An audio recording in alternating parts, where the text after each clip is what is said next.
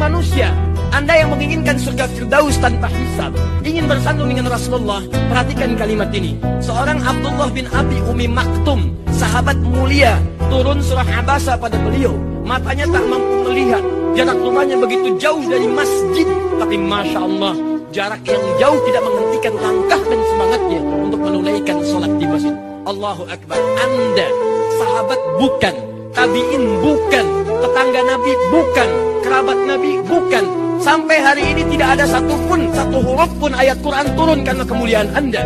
Jarak rumah Anda ke masjid tidak lebih jauh dibandingkan dengan sahabat Abdullah bin Abi Umi Maktum.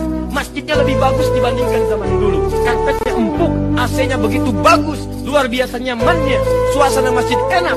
Kalau dengan semua ini belum menyentuh Anda sekedar menunaikan sholat di masjid, tunjukkan, buktikan kepada Allah. Apa yang menjadikan Anda layak